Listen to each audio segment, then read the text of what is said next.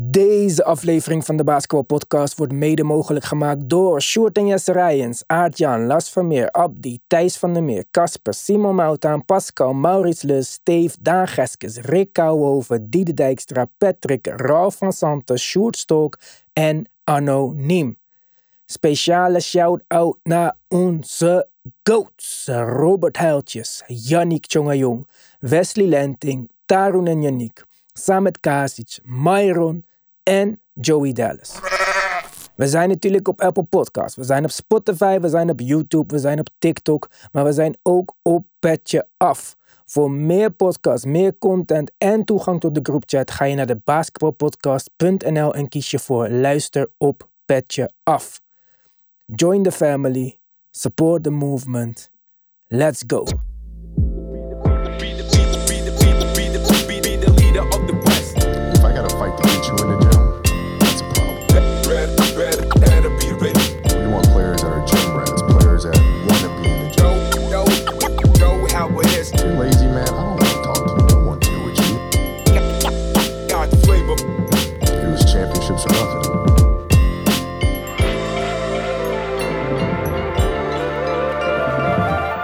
Jawel, daar zijn we weer. Nieuwe week. We komen uit een weekend waar eh, de zondagavond bijna op eh, eerste kerstdag leek. Zoveel eh, interessante matchups waren er. En iets wat als een verrassing komt voor jou, Tim, is dat ik deze week in plaats van de normale DM's die ik regelmatig binnenkrijg, een voicebericht als DM kreeg. Met daarin een vraag. Oké. En met die vraag wil ik deze uitzending beginnen. Hier komt ie. Goeiedag. Ik heb een vraagje. Stel je mag terugreizen in de tijd. Naar welk seizoen of era of eh, jaartal zou je terug kunnen gaan of terug willen gaan om dat een keer mee te maken? Bijvoorbeeld, eh, denk aan de Chicago Bulls in begin jaren 90 of de Lakers in de jaren 80. Of misschien wel eh, in de tijden van Kobe Bryant en Shaq. Ik ben benieuwd. Als je zou kunnen tijdreizen, waar zou je dan naartoe gaan in de NBA? Ja, ik vond dat dus een hele leuke vraag. Ik vroeg gelijk, mag ik die in de uitzending gebruiken? Hij zei ja. De, eh, zijn naam was Ray83 volgens mij. Ehm, zijn bijnaam in ieder geval op Instagram. Maar eh, ik, ik geef jou even de tijd om eh, na te denken. Want ik heb er al over nagedacht natuurlijk. Ja. En we hebben zoveel ja, verschillende tijdperken, jaren, seizoenen. Hij, hij noemde het heel breed om uit te kiezen. Dat ik het ook wel lastig vond ergens. Zou ik terug willen gaan in de tijd en echt zo'n ja, zo'n wild era mee willen maken of zo. Ja, hè, het zou wel uniek zijn om die 100 punten dingen mee te maken en zo. Maar ja, aan de andere kant trekt dat me ook weer niet super erg. Wil ik teruggaan in de tijd om Michael Jordan mee te maken? Heb ik een beetje meegemaakt. Dus hè, zijn laatste three-peat heb ik best wel bewust meegemaakt en ook dingen van gezien. Dus ik wou toch naar iets wat eh, vlak daarvoor komt teruggaan. En ik heb maar een seizoen gekozen. En dat is dan het 93-94 seizoen. Dan begin ik in de regular season met het volgen van de Golden State Warriors. Daar hebben we een- jonge Sprewell die net aan het doorbreken is. We hebben Chris Webber's rookie seizoen. Dan gaan we naar de playoffs. Dan verliezen ze in de eerste ronde van Charles Barkley en de Suns. Charles Barkley in zijn prime was ook iets eh, wat je gezien wilt hebben. Ja. En dan gaan we door naar de finale. Dan spelen daar mijn New York Knicks. Ja, waar ik uiteindelijk dan later fan eh, van geworden ben door Sprewell. Maar goed, ik mag dan terug in de tijd. Tegen eh, de Houston Rockets met Hakim Olajuwon. Eerste kampioenschap van Olajuwon. Dus ik denk al met al is dat een seizoen waar voor mij veel leuke dingen in gebeuren. Die dan eh, mooi aansluiten op wat ik al wel heb gezien. Zonder dat het echt iets wordt wat ja, heel erg los staat van alles, zeg maar. Dit is eigenlijk een soort van uitbreiding van de era die ik al mee heb gemaakt. Ja. En ja, leuk. nog één, eh, nog één leuke, ehm, ja, niet quizvraagje, maar wel iets wat waarschijnlijk niet heel veel mensen weten. Ehm, een bekende assistentcoach van de Golden State Warriors in het seizoen 1993-1994. Heb je dan enig idee wie ik, op wie ik dan doe? Nee. Dat was Greg Popovich. Oh. Oh, echt? Oké. Dus ook dat zou leuk zijn eh, om te zien. Naast Donnie Nelson natuurlijk. Ja, ja, ja. ja dat, dat wist ik dan weer wel. Leuk. Ja, dat was ook een interessante era. Ik denk eh, dat je een goed seizoen pakt. eh, Als we überhaupt al de jaren 90 zou moeten kiezen. Het laatste deel hebben we denk ik inderdaad min of meer meegemaakt. Maar dit, dit was eh, niet veel minder leuk wat mij betreft. En jou? Ik eh, ga voor, eh, nou ja, om te beginnen een decade. En dat is de 80s. Maar ik, ik zeg dat met een specifieke reden. En dat is dat wat mij betreft zou ik het heel speciaal vinden om te kunnen herleven. Of beleven eigenlijk. Hoe het was toen Bird en Magic allebei in de NBA kwamen. En wat dat betekende ehm, voor, nou niet alleen de jaren 80 aan zich. Maar ook gewoon hoe de NBA op dat moment eruit zag. Met twee rivalen, supersterren. Die eh, een toch wel bijzondere relatie ontwikkelden. Maar op een hele eigen manier eh, ja, een stijl zetten. En de rivaliteit tussen de Celtics en de Lakers nieuw leven in, eh in bliezen.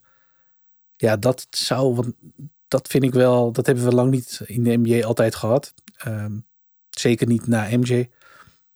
En ja, dat vind ik wel speciaal. Ik, ik heb er veel van gezien, veel over gelezen. Ik, zou het wel speciaal vinden om te zien wat dat nou zou zijn als je erbij was, zeg maar. Ja, de cocaine era noemen ze Ja, dat ook. Ja, ja dat ook. Ja, Ja. ik denk, ik denk eh, dat mocht die mogelijkheid ooit eh, bestaan, dat we kunnen terugreizen in de tijd, dat, eh, ja, dat het heel moeilijk zou worden om die echte uiteindelijke keuze te maken. Omdat er gewoon Ja. zoveel dingen zijn die je niet echt wilt missen. Ik dacht nog aan de kampioenschapjaren van de New York Knicks met Walt Frazier, de man die ik nu zo graag hoor. Hè, Dat Ja, had me ook ja. wel erg leuk geleken. Maar voor mij was het toch dat ik dacht van ik wil wel dat het basketbal wat ik ga kijken een beetje lijkt op het basketbal wat ik ken. Ik hoef niet per se heel ander basketbal te zien, zeg maar. Nee.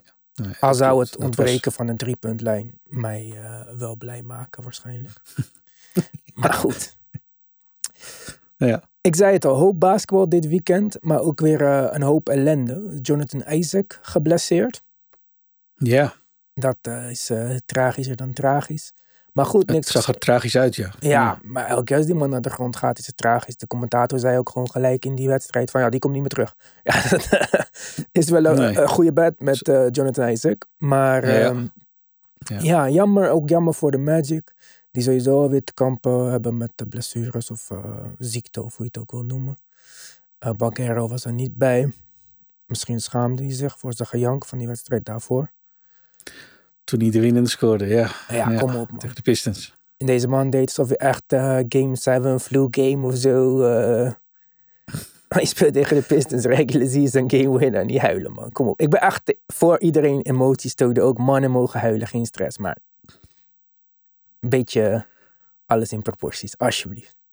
Ja, toen ik het voor het eerst zag, begon ik te zoeken naar wat heb ik gemist. Dat, eh, ik, ik had net de wedstrijd zitten kijken en dacht, wat- heb ik wat gemist? Is er een ontwikkeling? Moet ik iets weten van hem? Familielid overleden, iets dergelijks. Ja, Nou, de- hij was niet lekker. Dat, dat was uiteindelijk de verklaring. ja bro, niet ja, dat- lekker. kom op ja, dat was, dat was, eh, dat was alle. Ik dacht dat hij travelde trouwens bij die winner. Ik was er heilig van overtuigd, maar dat werd eh, de dag daarna tegengesproken door het Two Minutes Report. Ja, Ja, het is Dus, together eh, ding nou ja. wat altijd eh, mee wordt verteld. hè.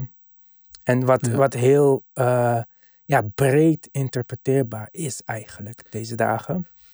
Want Ja. het hangt er een beetje van af hoe ze dat ja, willen oppakken. Soms. ja. En ik denk soms dat het, als het in het voordeel werkt van de scheidsrechters, of dat de scheidsrechters dan uiteindelijk geen fout hebben gemaakt, dat het wel eens wat vrij wordt opgepakt. ja dat, dat ben ik zeker met je eens. Ja. Ja. Trae Young laat zich even midden in het seizoen eh, opereren aan zijn offhand. Jalen Brunson speelt al het hele jaar met bandage op zijn offhand. Wij hadden het erover. Wat zei ik tegen jou? Grote kans dat ze gelijk eh, beter zijn. Ja. Nou, dat hebben we gezien. En wat doen ze? Ze winnen Ja. de wedstrijd. Ja. Dus ehm, ja, ik zeg niet dat ze daadwerkelijk beter zijn. Young is een groot talent en het is een groot onderdeel van het team. Maar ehm, ik ben benieuwd hoe de Hawks in zijn afwezigheid gaan spelen. Want mocht het wel zo zijn dat ze een beter gemiddelde neerzetten, dan denk ik dat de gevolgen voor de aankomende zomer alleen maar eh, duidelijker worden eigenlijk. En ehm, voor zover die niet al duidelijk zijn, want jezelf laten opereren midden in het seizoen aan je non-shooting hand Ja, ik is las een een, eh, aparte. ik las een reactie, eh, want dat had ik ook een beetje, van eh, een van die nou ja, dokters die, wel eens, die daarover wel eens reageert. Brian ehm, Sutter. Nee, dit was In Street Close. Ik ben even de naam van die man kwijt. Eh, zijn handle is In Street Close. En hij reageert ook altijd. Hij zei, ja, dit soort blessures, we hebben er niet veel voorbeelden van in de NBA-geschiedenis. Maar het schijnt wel je functionali- functionaliteit echt te belemmeren. Ja, daarvan dacht ik, ja, in hoeverre is dat mogelijk? Ik denk nog steeds dat het een keuze is om op dit moment zo'n operatie uit te voeren. Ik denk niet dat het, dat het een, een absolute must geweest is. Nou, dan, dan vind ik 1 en 1 is 2. Dan is het wat mij betreft duidelijk dat voor zowel Trey als de Hawks dit seizoen even is wat het is. En dat het veel belangrijker is dat de kaarten goed geschud zijn deze zomer. Als de Hawks waarschijnlijk eh, grotere beslissingen te maken hebben. Ja, ik denk dat dat eh, steeds aannemelijker wordt. Ja, ik ook wel. Ergens anders, waar de boel opschudden nog steeds niet echt eh vruchten heeft afgeworpen, is bij de Brooklyn Nets. Nee. Oh, eh, daar had ik dan ongeveer hetzelfde van verwacht bij Atlanta. Dat eh, na deze verandering er een nieuwe search door de ploeg zou komen. En, maar ook met Kevin Ollie eh, lijkt er weinig beweging in dit team te komen. Sterker Ja. nog, ze hebben de laatste zes wedstrijden verloren. En het ziet er niet best uit, Tim. Nee, alleen al een blik op de, op de uitslag van de wedstrijd tegen de Timberwolves was eh, redelijk pijnlijk. Maar eh, ja, normaal zeg je dan, joh, er is nog wel wat context. Maar ik denk dat bij de Nets het eh, redelijk typisch of typerend is voor de, de periode waar ze momenteel doorheen gaan. Ja. Ja, dat zeg je. Een periode waar ze doorheen gaan. Ik denk als we een snapshot nemen van eh, vijf wedstrijden. Dat de Nets het slechtste team in de NBA zijn. Ja, dat zou wel eens kunnen. Ja, ja het, is een, eh, het is een pijnlijk verhaal. Nou, zoals ik volgens mij wel eerder eh, gezegd heb. ik zou als Nets-fan eh, mijn ogen willen sluiten en wakker worden als het seizoen erop zit. Want dit is zeer, zeer moeizaam. Ja, ik denk dat, het, dat de aannemelijkheid dat Sean Marks wordt ontslagen aan het eind van dit seizoen met de dag stijgt. Of weggepromoveerd of wat dan ook. Ja, maar precies. zoals we Ja. vaker zeggen, is het meestal het ontslaan van je coach is het laatste wat een general manager nog kan. Nou, als we zien dat daar geen verandering in, eh, in, in de stijl van spelen komt, ja, dan gaan we toch extra opletten naar de samenstelling van het team. En ja, ik, ik vind dat dat sowieso al aardig duidelijk was. Los van wat ik van Jack Vaughn vond, denk ik dat dit team gewoon niet goed genoeg is. Ik ga dit nu voor de laatste keer zeggen, maar het feit dat je vier first round picks en Jalen Green afslaat voor Mikael Bridges, waaronder je eigen pick, waardoor dit verloren seizoen niet helemaal voor niets was geweest, is misschien wel de slechtste move die ik heb gezien van een front office dit jaar. Ja. Het is, het is bekend. Het is bekend. Het is, eh, het, is een pijnlijk detail. En inderdaad, eh, ik denk dat er niemand verrast gaat zijn als, als deze zomer eh Sean Marks ook, ja, inderdaad, zal eerder weggepromoveerd zijn worden dan dat hij echt ontslagen wordt. Maar het heeft er alle schijn van dat het een beetje die kant op gaat en dat er dan een nieuwe GM wordt aangesteld, nieuw front office misschien wel, die zegt opnieuw beginnen, nieuw fundament leggen. Want ja, dat is waar de Nets eh, naartoe moeten werken. Eh, ze kunnen niet zomaar een omslag maken, want die mogelijkheden zijn er simpelweg niet.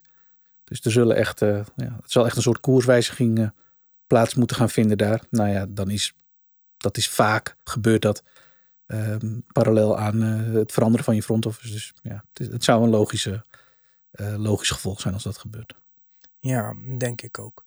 Ehm, ik, ben benieuwd of zelfs die verandering van het front office heel snel eh, verandering op het veld eh, teweeg kunnen brengen. Want ik, ik denk dat ze überhaupt in een lastig parket, pakket zitten. Dus eh, Ja. ja. Ehm, de toppers. Lakers Suns. Eh, Ja. Ik vond de wedstrijd op zich niet eh, super interessant. We kunnen plays analyseren en zo. En ik kan eh, wat klagen over LeBron James eh, reacties.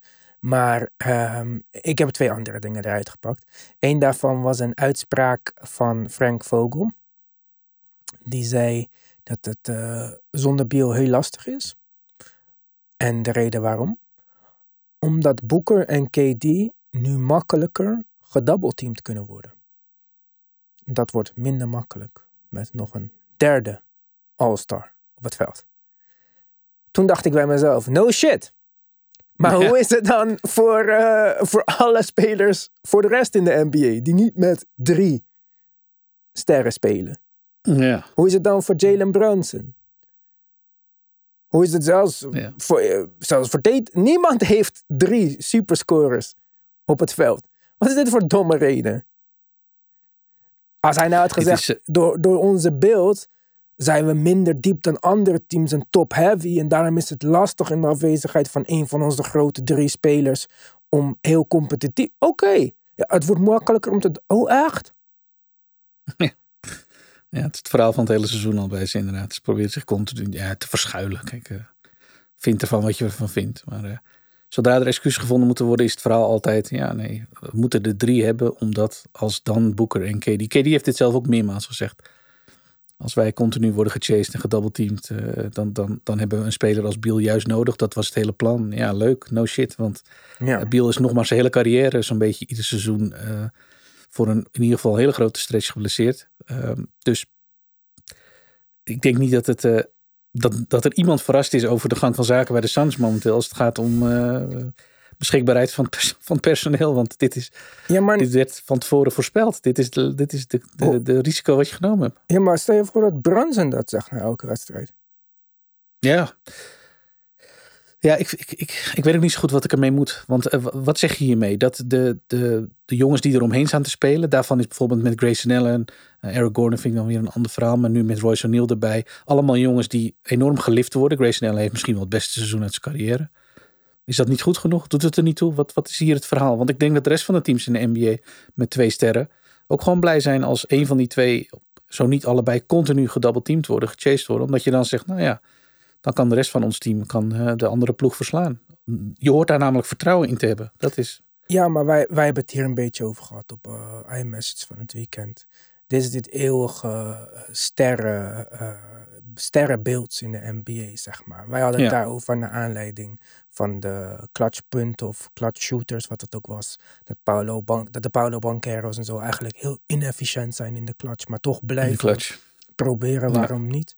En dat is de manier waarop teams in de NBA worden samengesteld, zeg maar, om sterspelers heen.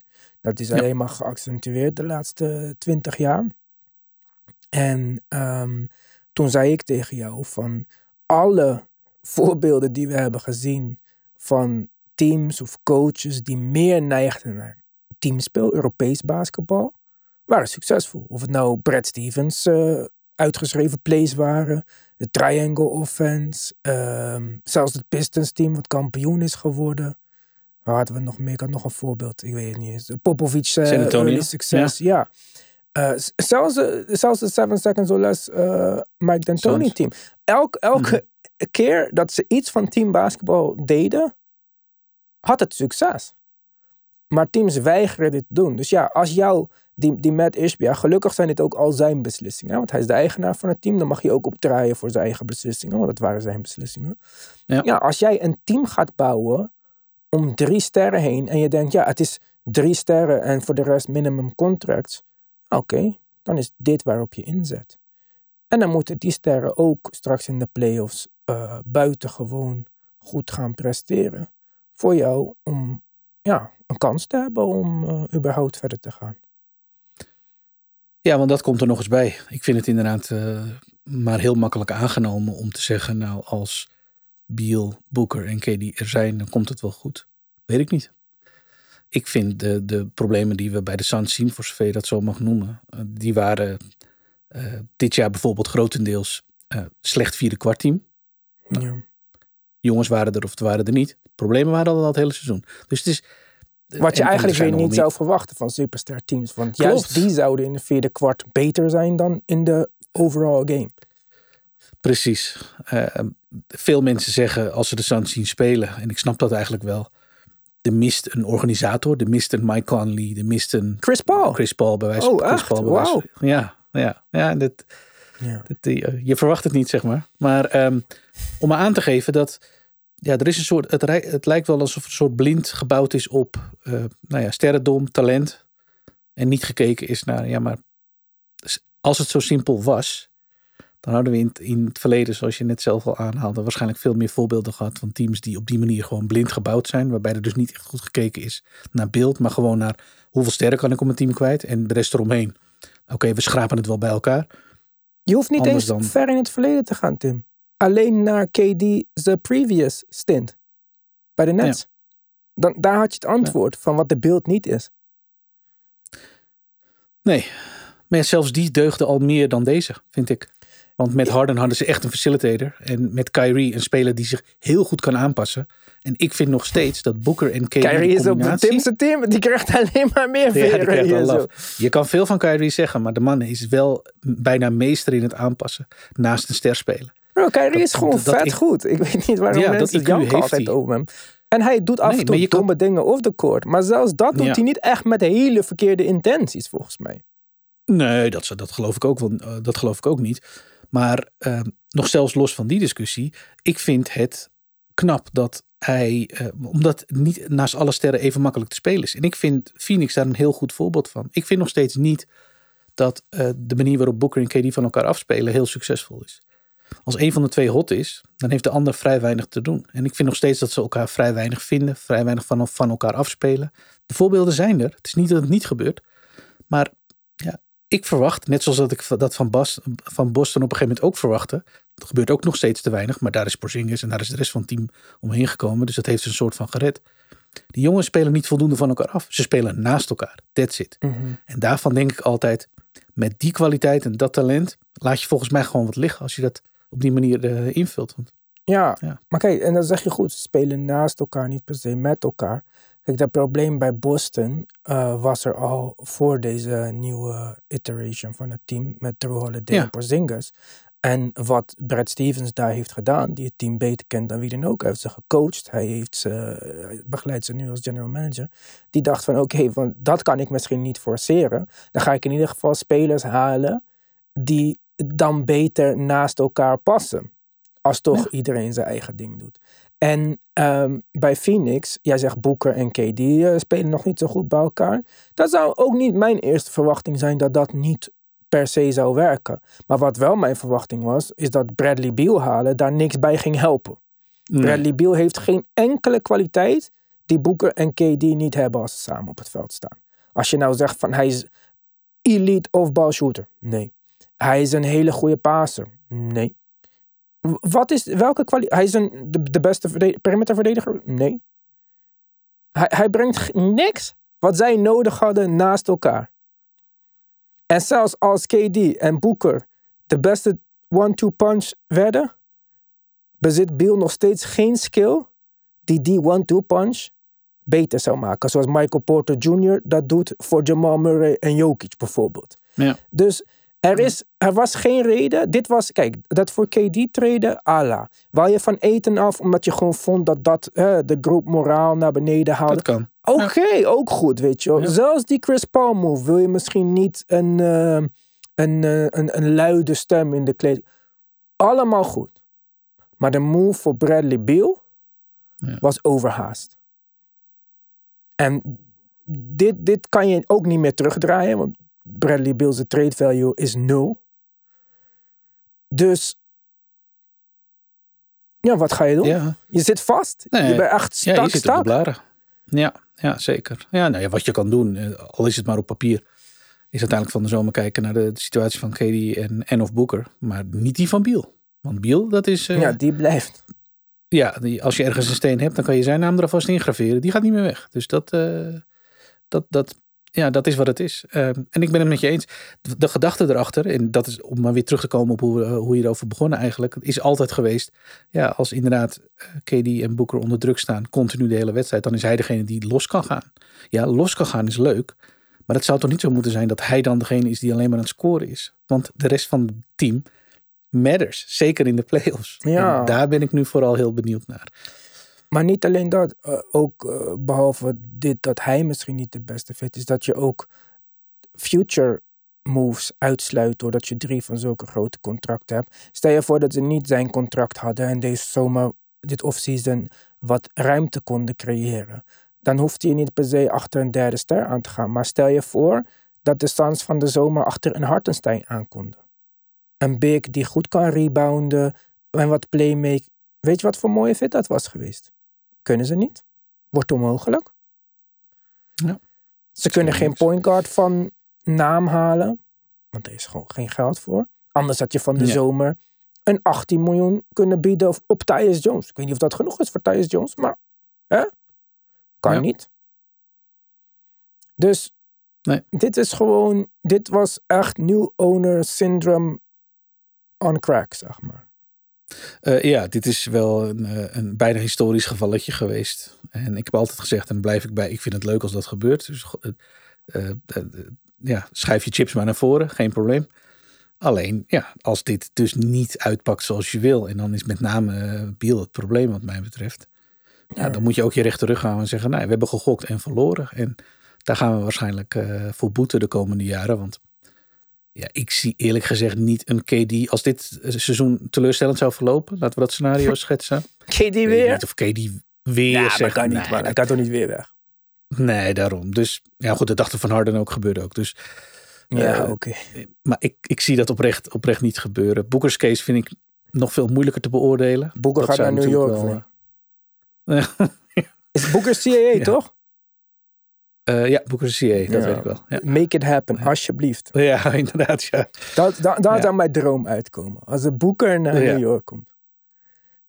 Ja, dat, dat, zou, dat zou wel een, een aardverschuiving teweeg brengen. Eerlijk, Van- het is beter voor, voor allebei. Dan kunnen zij, Ja, zij nou, kunnen, moeten- zij kunnen met de Di Suns nog Vincenzo zien. krijgen of zo. En eh, ik, ik probeer echt de case te maken om Boeker voor heel weinig te treden. Ze mogen alle picks hebben. Di Vincenzo nog erbij, Mitchell Robinson, weet ik veel. Ja, ga verder. Je bent er nog niet over Boeker. Ja, ja, niks. Ze hebben geen jonge 500 spelers picks meer, en? DiVincenzo en Robinson is te weinig. Ik denk dat als Boeker op de markt komt, nou ja, dat, ik, ik zie het niet eens gebeuren. Ja, maar als Eerlijk. Boekers, ja, maar die CIA-maffia. Clutch heeft het ook al een paar keer gedaan. Dus eh, Ja, ja, dat is waar. New York is wel een, een hub voor, eh, ja. voor CA. Maar goed, we, lopen in zover op de zaken vooruit. Ze hebben mij eh, nog, niet, nog niet één keer echt kunnen overtuigen dit seizoen. En dan heb ik het over een stretch waarin je, je zegt van, nou, ik zie het wel een beetje. En ik denk dat er een reële optie moet zijn dat we de Suns ook goed zien presteren zonder Biel. Want ik kan me niet voorstellen, stel dat we het meest positieve scenario maken van dus een, een aantal rondes winnen, dat Biel opeens de hele playoffs healthy is. Als je ziet hoe dit seizoen gaat. Ja, sowieso niet. Maar zelfs als hij er wel is. Ja, oké. Ze, ze waren volgens mij. eh, ze zijn sowieso. Ze hebben een mooie record met alle drie op het veld. Maar Ja. die sample size is zo klein dat we daar niks van kunnen afleiden. En natuurlijk wordt het lastig om tegen drie eh, shotmakers, play creators, weet ik veel wat, te, te plannen in een seven game serie. Maar ja, je wordt ook out-rebound per definitie. Je wordt waarschijnlijk out-hustled en uitverdedigd. Dus ja. Ik, eh, ik weet, kijk, ze winnen gisteren van de Lakers. En dat was de wedstrijd die we uiteindelijk hebben gezien natuurlijk. Ehm, ik had ook trouwens meer verwacht van de Lakers. Ik dacht dat het weer zo'n gevalletje zou worden van... Oké, we zijn nou naar een trade deadline. We kunnen toch niks meer forceren. Geen trades of wat dan ook.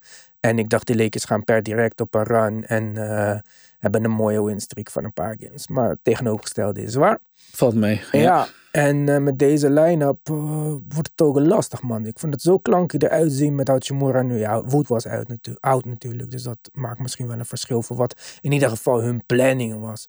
Maar ehm, Ja. ja, je, kan, je kan nou niet zeggen dat door dat Vanderbilt en Wood oud zijn, eh, het hele plan wat ze hebben niet in werking kan worden gesteld. Dat zou wel een heel Nee. ja, lastig plan worden dan. Maar goed, die wedstrijd op zich vond ik niet zo boeiend. Eh, in een van de time-outs En was het, eh, kwam er een filmpje. Throwback naar eh Shaq's verjaardag.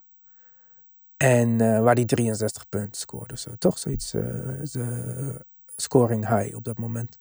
En, Mhm. eh, oh, dat weet ik nog wel. Ja, ja, ja. Dat, was een, eh, dat kwam in een van die time-outs, zoals zo'n throwback eh, clipje, zeg maar.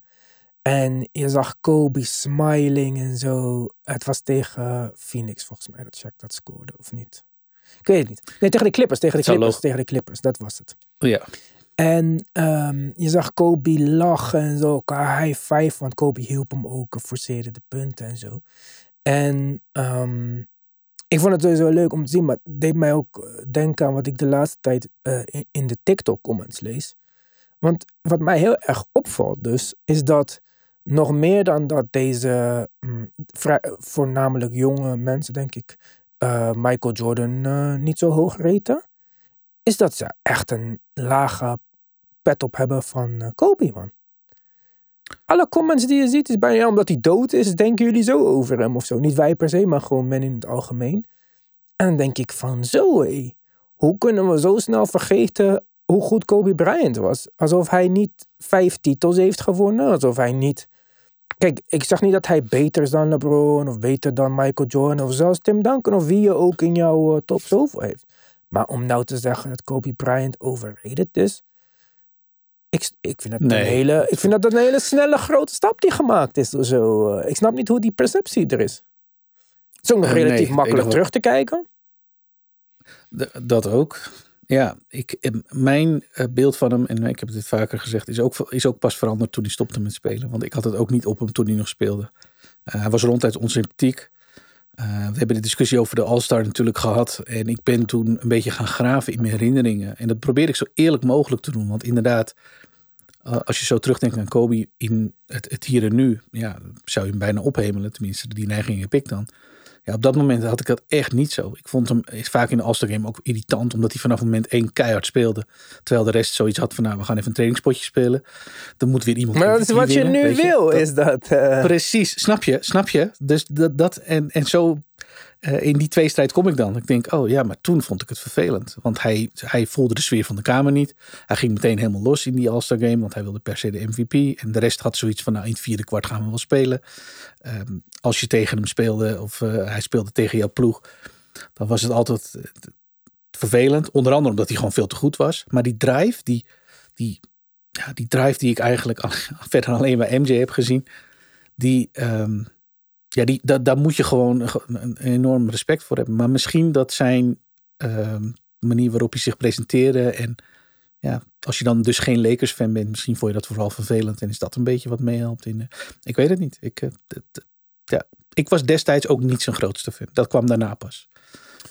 Ja, kijk, ehm, het viel mij gewoon op, omdat ik ook in de comments heel vaak, eh, het ging over onze top, vijf, top vijfs en zo. En dan Mhm. zag ik allemaal mensen reageren met eh, Will Chamberlain en zo. Nou, eh, ik zeg niet dat ik de precieze leeftijd weet van al onze TikTok-volgers, maar 65 zijn ze sowieso niet. Dus dan denk ik van, waarom wel iemand pakken die zo ver in het verleden, toen basketbal eigenlijk een compleet andere sport was, waar geen beelden van zijn, wel in je top 5 hebben. Terwijl we een recent voorbeeld van iemand die gewoon vijf titels heeft gehaald, eh, dan zomaar moeten afschrijven. Zeg maar. Het zijn er nog steeds meer dan LeBron. En als we het argument gebruiken dat Kobe altijd met een andere All-Star speelde, Shaq en Pau Gasol. Dat werkt niet als je hem vergelijkt met LeBron. Zelfs niet als je hem vergelijkt met Tim Duncan. Dus ik, ik, snap dat, ik, ik snap niet zo goed waarom deze perceptie zo snel veranderd is. En wat jij zei, kijk, we hadden ook een vraag over onze favoriete spelers, top 5 favoriete spelers. Die ziet er bij mij heel anders uit. Tenminste, niet zo heel anders, maar wel anders dan mijn eh, top 5 die ik het beste vind. En ook in mijn top 5 die ik het beste vind, bijvoorbeeld had ik Tim Duncan. Die ik pas op veel latere leeftijd ben Ja. gaan waarderen. Ik vond de Spurs tering saai toen ik jong was. Saai, Ik ja, vond Tim klopt. Duncan de meest overrated speler in de NBA. Maar naarmate dat ik ouder werd, misschien niet eens ouder, maar naarmate mijn kijk op basketbal veranderde, of de manier hoe ik keek naar eh, niet alleen spelers, maar ook wat voor mij belangrijk is in een speler of in het bouwen rond een speler, werden de kwaliteiten die Tim Duncan had steeds interessanter voor mij. En ehm, met name Tim Duncan had ik dat mee. Maar gedeeltelijk ook met Kobe Bryant. Ik was fan van Kobe eh, toen hij werd gedraft. Dus. Ik heb zijn, eh, zijn Laker nummer 8 jersey. En hij was spectaculair. Maar die fandom was meer gebaseerd op gewoon de hype om hem heen. En wat ik in tijdschriften las en zo. Want de wedstrijden die ik van hem zag, ja, dat, ik had geen League Pass toen. Het was niet alsof ik al zijn wedstrijden zag. Dus het was meer op mijn perceptie over hem. En net als jij, wat jij net zei, is mijn echte liefde tussen aanhalingstekens voor Kobe veel later gekomen. En dat kwam meer ook door zijn mentaliteit. We hebben dat de naam Mamba mentality gegeven, of hij zelf, of whatever.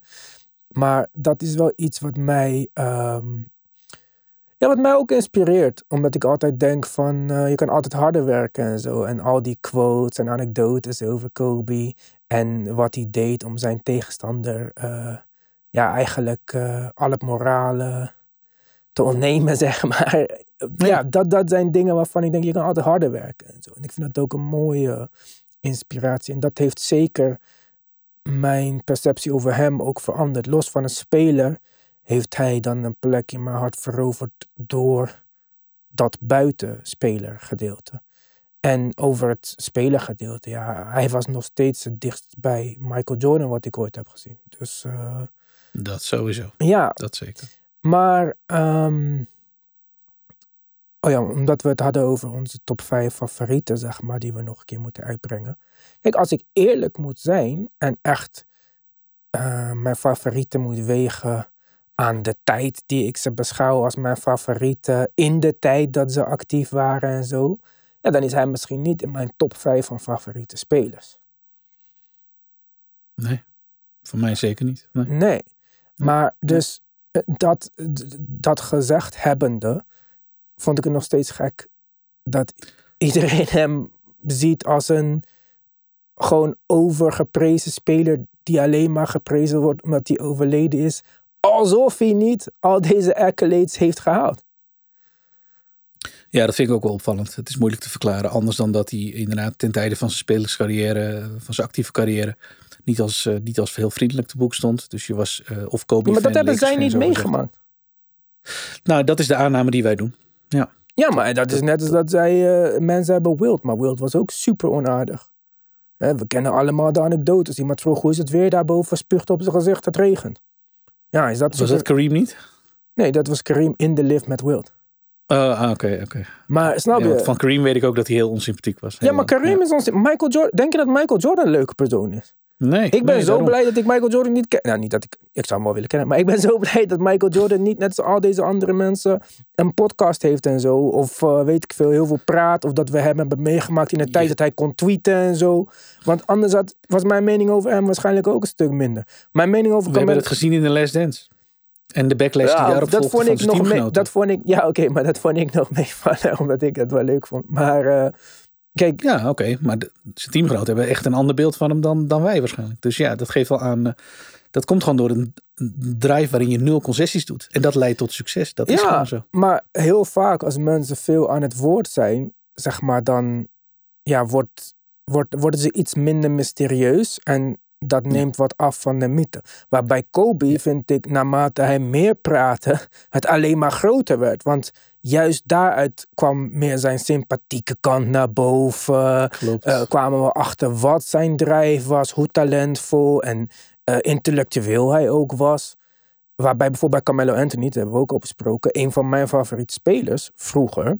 Een van de spelers waarvan ik uh, super blij ben dat ik zijn periode bij de Knicks heb meegemaakt. Naarmate die man meer praat in zijn podcast, komt hij alleen maar dommer, dommer, dommer. En ja, hoe noem je dat? Niet echt uh, in contact met de werkelijkheid uh, over. Ja. Dus mijn hele, die, dat hele voetstuk waar, waar Carmelo Anthony op had staan, die, die is in, aan het inzakken alsof een sinkhole komt. Ja, het, het, kan twee kanten op. En uh, voor mij was dat met Kobe ook het geval inderdaad. Naarmate die stopte en ging praten en weer mens werd, want dat, dat vond ik vooral mooi om te zien, kreeg ik veel meer uh, uh, sympathie en respect voor hem. Um, en dat is bij een aantal andere spelers. ik heb dat een beetje met Kenyon Martin, wat ik een echt dat fantastische ja, speler kan vond. ik begrijpen, ja. Absoluut, ja, absoluut favoriete spelers. Maar sinds hij is gestopt En eh, hier en daar eh, aan het praten is, heb ik ook zoiets van ja, dan moet ik soms ook even mijn oren dicht doen. Want eh, anders dondert hij straks uit mijn top 5. Dat, is, dat zou ik jammer vinden. Ja, Kenya Martin is ook zo'n voorbeeld van iemand die zo teringdom overkomt. sinds dat hij vaker aan het woord is. Het, het is, hij, hij maakt geen reclame voor zichzelf, vind ik. Nee. nee. Laat alsjeblieft Spreewell geen podcast beginnen of zo. Want ik ben bang dat dat ook niet super goed Ja. zal aflopen. Klopt. Wie is voor jou... Kijk, voor de- we gaan die top 5 nog niet helemaal bekendmaken. Dat moeten we een beetje spannend houden. Maar wie is een naam waarvan jij zegt... die is heel dicht in de buurt van deze top 5... maar ik heb hem er toch niet in staan? Favoriete Oeh. spelers top 5.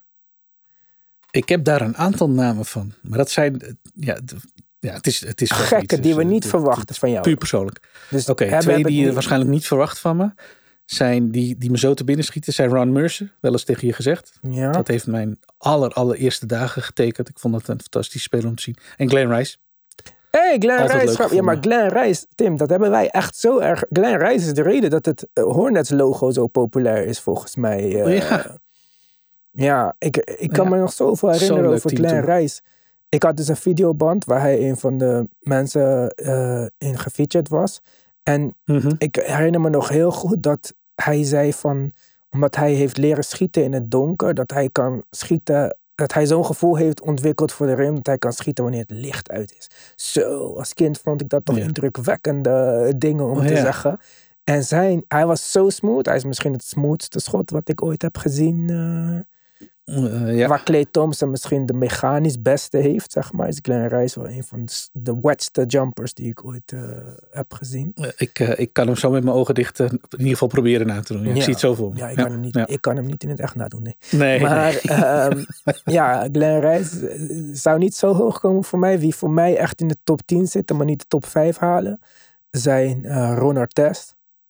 Dat vond Ah, ik cool. echt een geweldenaar. Vooral in de Ja. Pacers eh, tijd, zeg maar. Zeker, absoluut, 100%. Ja, En Stefan Marbury. ja mooi. Ja, ook echt. eh, Kijk, het is een beetje misgegaan aan het, niet, ja, toch aan het einde van zijn carrière. Of tenminste eigenlijk Ja. in zijn prime. Maar ehm, ja, vooral die druk om... Hij kwam uit een basketbalfamilie. De enige die echt de NBA heeft gehaald. En dan eh, van al die legendarische straat, high school, college point guards die uit New York komen om voor de Knicks te gaan spelen en eh 20 punten te average of 21, weet ik veel wat het was. Wat voor die tijd eh, een hoop is. Voor nu Ja, dat eh, niks meer. Precies. Ja, dat was wel echt spectaculair. En ook gewoon een hele spectaculaire speler überhaupt. Ja. De- de- ik hoef niet eens te praten over die All-Star move op Vlade. Dat was eh, vrij tekenend. Ik zag hem, eh, en dit is, echt, dit is echt gebeurd. Ik zag hem dunken in, eh, bij de Nets. Dat, je die, dat hij die alley ving, weet je wel. En die zo bijna, terwijl hij de basket niet zag. Hij kreeg van rechts de alley aangepaast. En hij dunkte hem, nou ja, het bekende play. En anders voor degene die denken, wat was dat? Zoek het op. Stefan Marbury alley is meer dan, eh, veel meer heb je niet nodig. mhm. Ik weet nog dat ik, eh, dat ik dat voor de eerste keer zag, een dag later, of eh, wat er ook gebeurde in, in highlights. En oprecht dacht, dit kan niet. Ja. Ik wist, ik had hem daarvoor niet zien dunken ook. Dus ik wist niet dat hij überhaupt kon dunken. En die man ging zo hoog de lucht in. Ik weet nog dat ik inderdaad dat zag en dacht, nou dit is nep. Dit, dit kan niet waar zijn. En zo vaak terug moeten zien voordat ik pas me realiseerde en besefte van... Damn, wat een elevation. Dit soort Ja. kleine gasten kunnen ook dunken. Ja. En hij is bijvoorbeeld wel weer een voorbeeld van een speler waarvan je in eerste opslag niet veel verwacht als hij begint met praten. Omdat hij die tatoeage op de zijkant van zijn hoofd en zo. Niet mis met tatoeage op je hoofd. Als je dat wil doen, doe dat lekker. Maar ehm, ik vind hoe hij praat over de Chinese cultuur en Ja. hoe respectvol hij is ten opzichte van de Chinese cultuur. Ik zag hem laatst op een filmpje leren hoe hij thee moet drinken of zo. Ja, ik dacht van, Ja. zo, hé, dat hoef je allemaal niet te doen. Het feit dat hij goedkope schoenen wou maken voor iedereen, eh, de Starburst. Klopt. En eh, dat hij zelfs de tijden van corona wou helpen met eh, goedkope maskers voor iedereen eh, verspreiden en zo. Ja, maar eh, ja, hij haalt mijn top 5 niet, maar hij komt wel zeker in de buurt. Dan hebben we het over favorieten, hè? voordat wij eh, Ja. een en al reacties krijgen van hoe kunnen jullie, hoe kunnen jullie die spelers overwegen voor je top zoveel. Ehm, Wij zijn er eh, van de week op Petje Af natuurlijk, sowieso. En anders zijn we de volgende week weer met een normale uitzending. Volg ons in de tussentijd op TikTok. Daar is het best wel gezellig. Mensen stellen vaak leuke vragen. We zijn natuurlijk ook op Instagram, ook op Twitter, ook op eh, Threads volgens mij. Maar nee, Threads zijn we niet. Vergeet Threads. Maar eh, we zijn overal. Ga naar de basketbalpodcast.nl voor alle links. En eh, op dit kanaal kun je ons volgende week weer vinden.